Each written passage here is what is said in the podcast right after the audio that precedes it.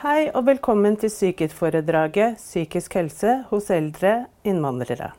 Jeg heter Ragnhild Storstein Spilker, er utdannet sykepleier og jobber som seniorrådgiver i Enhet for migrasjonshelse i Folkehelseinstituttet. I Norge og Europa blir befolkninger stadig mer mangfoldig, både kulturelt og språklig. Det blir generelt flere eldre i Norge, og vi får også en aldrende innvandrerbefolkning. Mange av erfaringene med aldring er felles for alle mennesker, som økt risiko for sykdom, funksjonsnedsettelse og dårligere helse. Det å være innvandrer kan i tillegg føre til ekstra belastninger knyttet til posisjon og sosioøkonomisk status, som både kan påvirke helsen og gi utfordringer når det gjelder å få tilgang til helsetjenester. Ulike forståelser av sykdom, utfordringer med språk og kommunikasjon og manglende kunnskap om helse og helsetjenestene, det som nå kalles helsekompetanse, kan gjøre det vanskeligere å benytte helsetjenester. Vi vet lite om psykisk helse og forekomst av psykiske lidelser hos eldre innvandrere i Norge. Heller ikke internasjonalt finnes det mange undersøkelser. Generelt har undersøkelser vist at innvandrere, og da særlig flyktninger og asylsøkere, har mer psykiske plager enn befolkningen ellers. I dette foredraget vil jeg gi en kort oversikt over eldre innvandrere i Norge i dag, og det vi vet om deres levekår og psykiske helse. Jeg vil snakke om hvordan det er å komme til et nytt land og en ny kultur, og hvordan det kan påvirke psykisk helse spesielt i alderdommen. Til slutt vil jeg diskutere hvordan helsepersonell best kan møte denne mangfoldige pasientgruppen, og på hvilken måte vi kan tilrettelegge tjenestene til ulike behov blant eldre innvandrere. I Norge bor det i dag innvandrere fra mer enn 200 ulike land, og de utgjør 14% av befolkningen. Innvandring til Norge sammenlignet med mange andre land er et relativt nytt fenomen. Og innvandrere som kommer, kommer i sin beste alder, som er mellom 20 og 40 år. Alderssammensetningen i innvandrerbefolkningen er dermed annerledes. Det er færre eldre innvandrere enn i befolkningen for øvrig.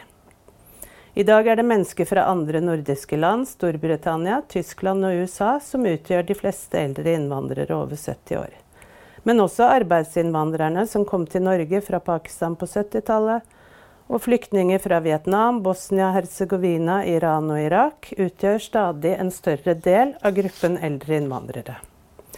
Det er sjelden at eldre innvandrere flytter hjem til opprinnelseslandet i alderdommen. Og det gjelder særlig flyktninger og de som har bodd lenge i Norge.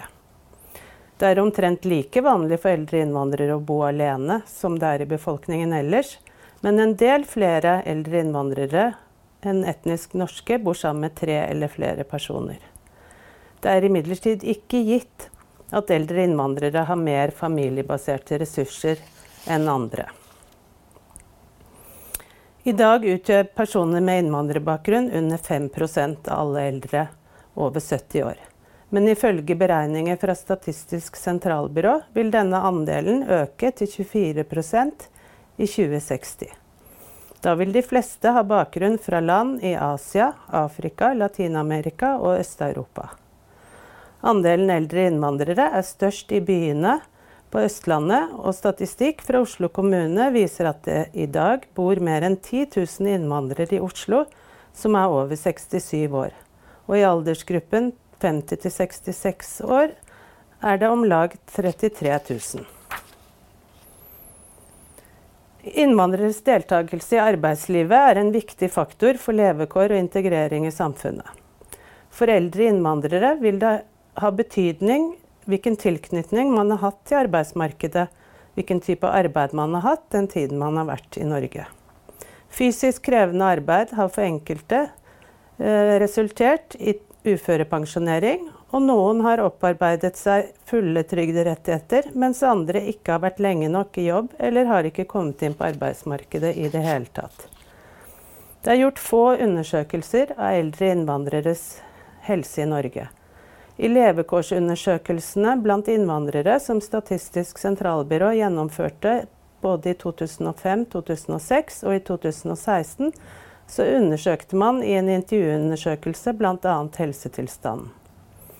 I 2016 ble undersøkelsen gjennomført i tolv utvalgte landgrupper av innvandrere og norskfødte med innvandrerbakgrunn.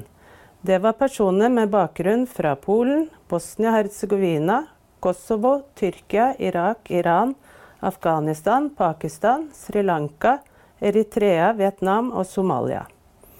Spørsmålene dreide seg om egenvurdering av helse, helsetilstandens innvirkning på hverdagen, faktiske sykdommer, psykosomatiske og psykiske plager, levevaner og bruk av helsetjenester. Man fant at flere innvandrere rapporterte dårligere egenopplevd helse sammenlignet med befolkningen som helhet, og forskjellene økte mye med økende alder. Overvekt hos kvinner og inaktivitet hos både kvinner og menn var mer utbredt blant innvandrere, og det var en høyere forekomst av diabetes type 2, spesielt hos innvandrere og særlig kvinner fra land i Sørøst-Asia. Man så også større kjønnsforskjeller enn i befolkningen for øvrig, og innvandrerkvinner rapporterte mer helseproblemer enn innvandrermenn. Utvalget i denne undersøkelsen var imidlertid lite og begrenset til noen landgrupper. Man så også til dels store forskjeller mellom de ulike gruppene. Og resultatene bør derfor tolkes med forsiktighet, og det trengs mer forskning som kan undersøke dette nærmere. Innvandrere hadde i denne undersøkelsen i større grad symptomer på psykiske plager. Og som dere ser her, andelen ble markant større med økende alder, mens den sank i den generelle befolkningen. Disse funnene, som viser at eldre innvandrere har såpass mye mer psykiske plager, og hva som kan være årsaker, er noe som bør undersøkes videre. Jeg vil nå belyse noen faktorer som kan være mulige forklaringer på dette. Det er viktig å huske at innvandreres erfaringer og opplevelser av aldring og helse er mangfoldige og komplekse, fordi innvandrere kommer fra så mange forskjellige land og kulturer. De vil være i forskjellige livssituasjoner med ulike årsaker til og tidspunkter i livet for migrasjon. Innvandrere tilhører ulike sosioøkonomiske, etniske og språklige grupper og har forskjellig utdanningsnivå og grad av deltakelse i arbeidslivet. Det er imidlertid noe som er felles for mange. Det er tre trekk som er særlig tydelige. For det første har mange innvandrere en lavere sosioøkonomisk status, som vil kunne påvirke helsen. I tillegg snakker innvandrere andre språk, og noen lærer seg ikke godt nok majoritetsspråket i samfunnet de lever i. For det tredje kan innvandrere oppleve diskriminering og fordommer som bidrar til ekskludering og marginalisering. Innvandrere som kommer fra land som skiller seg mye fra Norge, eksempelvis land i Asia og Afrika, men også i Europa, kan ha andre forståelser av helse og sykdom som kan påvirke hva man gjør når man blir syk. Mange kommer også fra samfunn hvor familiestrukturer og bånd og forventninger om omsorg fra familie i alderdommen kan være sterkere enn hos mange eldre nordmenn. Når tid man oppfatter seg og opplever seg selv som eldre eller gammel, kan både være kulturelt betinget, men er også i stor grad påvirket av levekår og helsetilstand.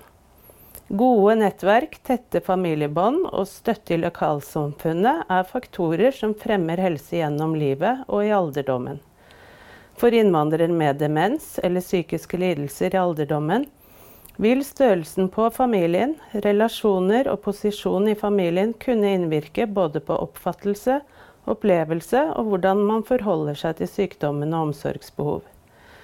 Noen innvandrere i Norge møter alderdommen alene eller kun med ektefelle, mens andre bor i flergenerasjonshjem med flere personer som kan gi støtte og omsorg. Hos innvandrere er imidlertid også familiestrukturer i endring pga. at flere kvinner er yrkesaktive. Mange faktorer kan påvirke psykisk helse blant innvandrere. Både det som skjedde forut for, og som var årsak til at man forlot hjemlandet og sine røtter, og også hvordan det har gått i landet man har kommet til. Traumatiske opplevelser tidlig og senere i livet kan gi alvorlige og langvarige psykiske plager og sykdom. Sosial isolasjon og ensomhet gjennom livet øker risiko for psykiske lidelser, men sosial støtte og nærhet til andre mennesker beskytter. Daglige og vedvarende belastninger kan ha vel så stor betydning som traumatiske hendelser for psykisk helse. Når flere belastningsfaktorer virker sammen over lang tid, gir det en høy risiko for psykiske lidelser. Blant innvandrere er det særlig flyktninger og asylsøkere som er spesielt sårbare og utsatte for psykiske lidelser. De utsettes for det som kalles en trippel byrde. Før, under og etter migrasjon. De kan ha flyktet fra krig eller krigslignende tilstander, og noen flykter fra forfølgelse pga. kjønn, seksuell legning eller etnisk, politisk eller religiøs tilhørighet. De kan ha vært fengslet og torturert, internert i flyktningleire og gjennomført en lang og farefull flukt. I tillegg kan de i landet de kommer til, møtes av negative holdninger, lange opphold i mottak preget av usikkerhet og venting. Deretter skal de lære seg et nytt språk, bli kjent med ny kultur, bygge seg et liv med nettverk, venner og jobb. Arbeidsinnvandrere og innvandrere som kommer til Norge gjennom familiegjenforening, kan også oppleve oppbrudd og manglende sammenheng, tap av roller og identitet. De kan streve med mange av de samme utfordringene når det gjelder å etablere et nytt liv i Norge, som det flyktninger gjør. Begrepet akkulturasjon viser til prosesser med å forandre og tilpasse seg en ny kultur. Lære seg språk og kulturelle koder og forstå system og samfunnsstrukturer. Det kan være en krevende prosess på flere plan og kan medføre opplevelse av nederlag, manglende mestring og følelser knyttet til det å være annerledes og mindreverdig. Det å ikke kunne påvirke viktige betingelser i eget liv kan føre til avmakt og psykiske problemer på sikt. Det kan gi seg utslag på ulike måter, som depresjon og angst, diffuse kroppslige plager og smerter, eller rus, vold og aggresjonsproblemer. Akkulturasjon og tilpasning har vært mye studert innen psykologi. John Berry, canadisk professor i psykologi, er en av grunnleggerne av fagfeltet akkulturasjonspsykologi. Ifølge Berry er akkulturasjon en prosess som foregår både på gruppenivå og individnivå når to eller flere kulturer møtes. På gruppenivå handler det om endringer i sosiale strukturer, institusjoner og sosiale normer, mens på individnivå er det snakk om endringer i menneskers atferd og eventuelle tilpasninger. Hvordan man tilpasser seg og endrer seg, vil ha betydning for det som kalles akkulturasjonsstress, og som kan gi seg utslag i usikkerhet, angst og depresjon og påvirke helse og velvære. På individnivå gjør mennesker tilpasninger både i forhold til egen kulturell gruppe, og storsamfunnet, som virker inn på tre ulike nivåer. Psykologisk, sosiokulturelt og interkulturelt. Det handler om hvor bra man føler seg, trivsel og selvfølelse, hvor bra man gjør det, sosiale relasjoner i arbeid, skole og lokalsamfunn, og hvor godt man relaterer til andre mennesker utenfor egen kulturell gruppe. Hvordan man tilpasser seg, avgjøres både av holdninger og hva man faktisk gjør, men det er ikke alltid et én-til-én-forhold. Det bestemmes også av sosiale begrensninger, normer og muligheter i storsamfunn og egen gruppe. I en kvalitativ undersøkelse gjennomført av studenter på Universitetet i Oslo ble eldre menn med innvandrerbakgrunn intervjuet om sin opplevelse av helse.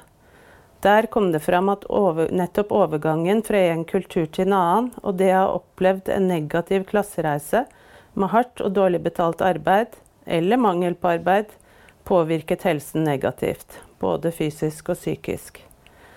Ensomhet, språkbarrierer, opplevd diskriminering og mangel på sosiale møteplasser ble trukket fram som eh, en årsak til isolasjon og en følelse av å ikke ha en plass i samfunnet.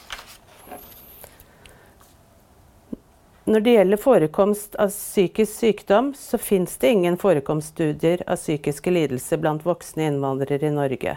Og vår kunnskap er dermed mangelfull. Innvandrere er, som jeg har vært inne på, en heterogen gruppe, og det kan være betydelig variasjon i forekomst avhengig av både landbakgrunn, innvandringsbakgrunn og botid. Flere studier i Norge har vist at en høyere andel innvandrere, særlig fra land utenfor Europa, rapporterer om psykiske helseplager. Risikoen for psykiske plager er, som jeg også har vært inne på, knyttet til lavere sosioøkonomisk status, at man opplever forskjellsbehandling, språkbarrierer og andre negative livshendelser. Internasjonale studier har vist at flyktninger, både voksne og barn, har mer psykiske plager enn arbeidsinnvandrere og befolkningen for øvrig. Det finnes ingen nyere norske studier som har undersøkt utbredelsen av psykiske plager blant voksne flyktninger. Helseregisterdata har imidlertid vist at 16-19% av voksne flyktninger oppsøker lege for psykiske plager, mot 10-12% i befolkningen for øvrig. Det finnes ennå ikke gode representative data for forekomst av psykiske lidelser hos eldre innvandrere i Norge. I møte med eldre innvandrere kan kultur innebære en utfordring. Det er viktig at helsepersonell har åpenhet for ulike forståelser og praksiser når det gjelder helse og sykdom.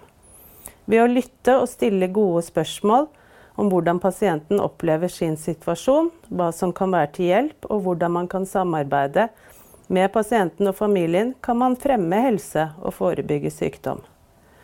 Pasienter og helsepersonell bærer med seg sine kulturer i møtene med hverandre og dette kan komplisere den gjensidige forståelsen.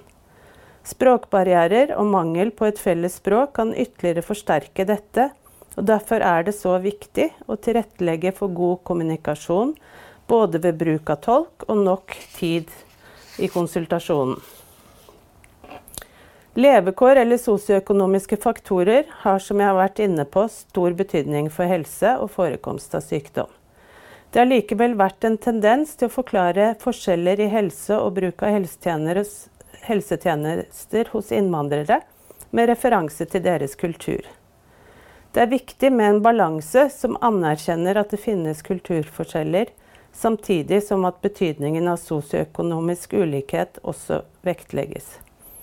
I alle kulturer er det knyttet stigma og skam til psykisk sykdom og personer med alvorlige psykiske lidelser møtes ofte med fordommer og diskriminering i samfunnet.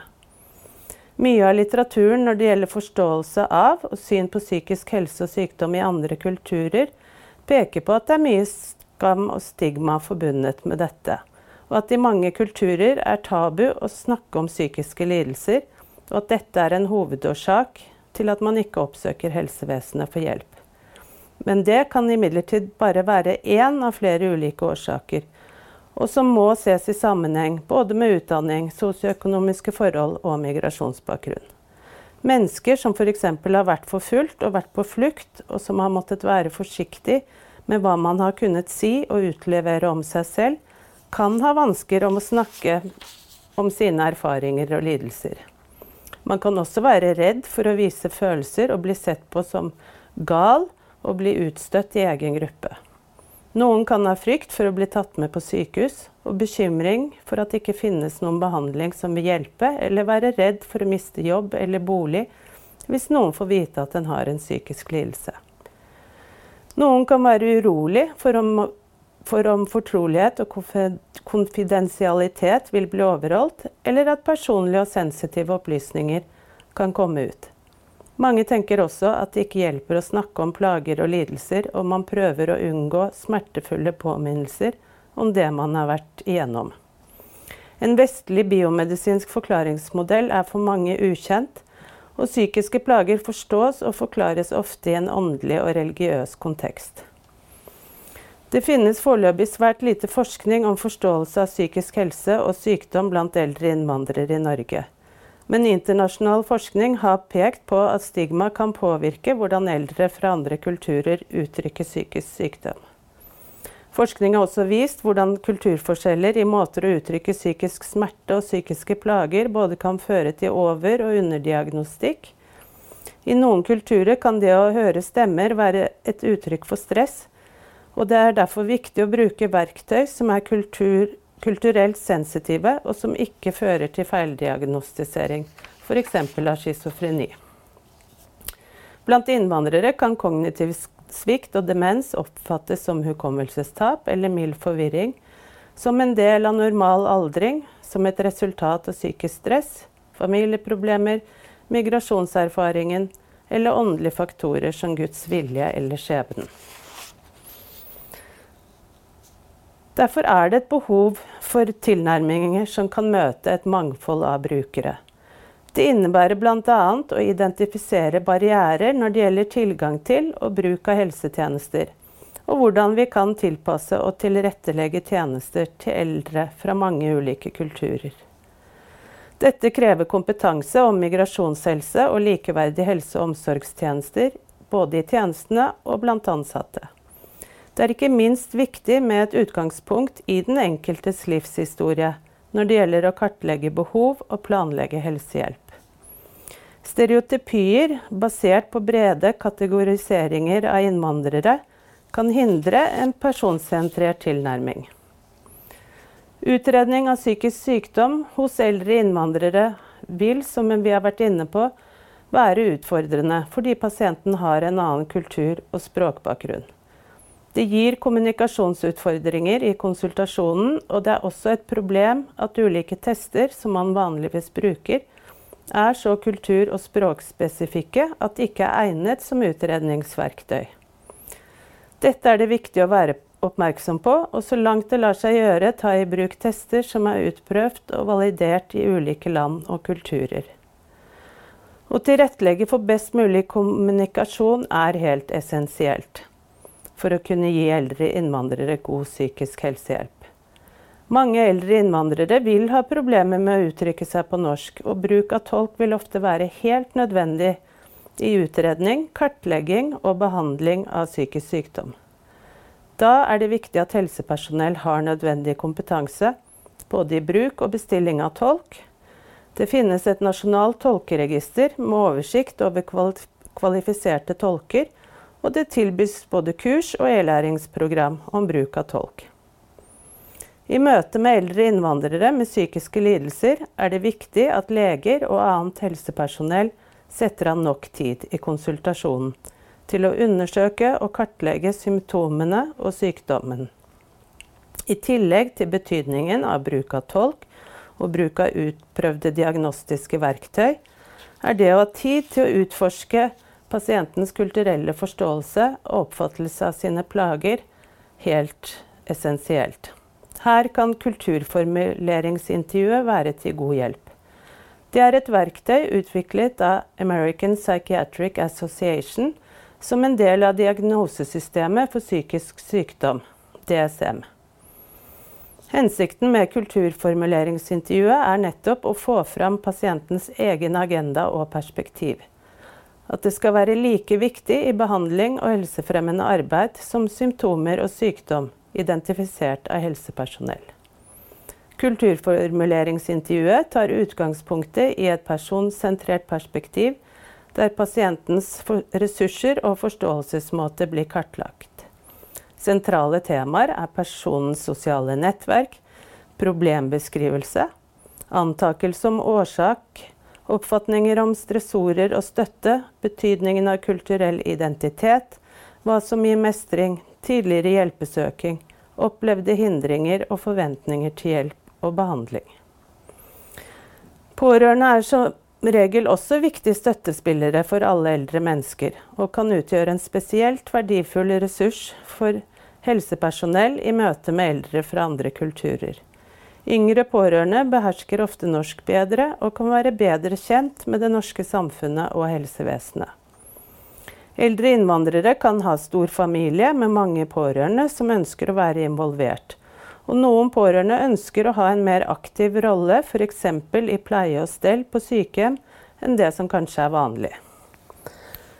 Det er derfor viktig å ha en åpen og god dialog for å finne måter å samarbeide på som fungerer godt og som er til det beste for den eldre pasienten. Det kan være lurt å bli enige om at det er én eller to pårørende som fungerer som hovedkontaktperson mellom tjenesten og familien.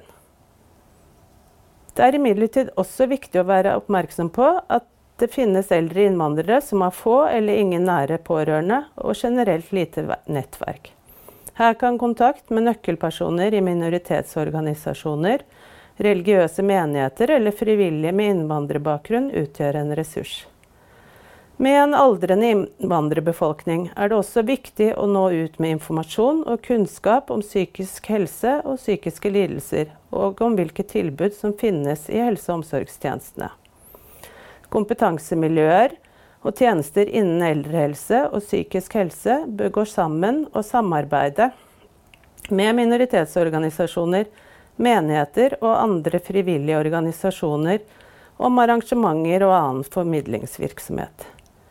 Helsepersonell vil i årene framover trenge ferdigheter i hvordan tilrettelegge og tilpasse tjenestene og håndtere kommunikasjonsbarrierer, både på legekontorer, i hjemmetjenester, dagaktivitetstilbud, sykehjem og i spesialisthelsetjenestene. En større vekt på brukermedvirkning fra personer med innvandrerbakgrunn i utvikling av aktiviteter og tiltak er derfor viktig. Det er også en økende andel helsepersonell som selv er innvandrere, eller som er født i Norge av foreldre som har innvandret. Disse har en flerkulturell og flerspråklig kompetanse som kan være til stor hjelp både i konkrete pasientmøter, men også som viktige kilder til kunnskap når det gjelder hvordan man kan utforme gode helse- og omsorgstjenester. Det er et ledelsesansvar å ha fokus på hvordan mangfold på arbeidsplassen Eh, i form av språk- og kulturkompetanse blant ansatte kan utnyttes slik at tjenestene blir mangfoldsvennlige og likeverdige. Eldre mennesker er i utgangspunktet en mangfoldig gruppe, og dette mangfoldet vil bare øke jo flere med innvandrerbakgrunn som blir eldre. For å oppsummere til slutt det vil bli betydelig flere eldre innvandrere i årene som kommer. Psykiske plager er mer utbredt blant innvandrere, og spesielt flyktninger og asylsøkere. Vær spesielt oppmerksom på trippel byrde med traumatiske opplevelser før, under og etter migrasjon. Daglige og vedvarende belastninger som kan ha større betydning enn traumatiske hendelser. Oppbrudd og manglende sammenheng, tap av roller og identitet som kan gi akkulturasjonsstress at det finnes ulike forståelser og forklaringer på psykisk sykdom, viktigheten av å velge riktig diagnostisk verktøy, og ikke minst viktigheten av å bruke tolk og tid i konsultasjon. Ta gjerne kontakt med meg. Takk for meg.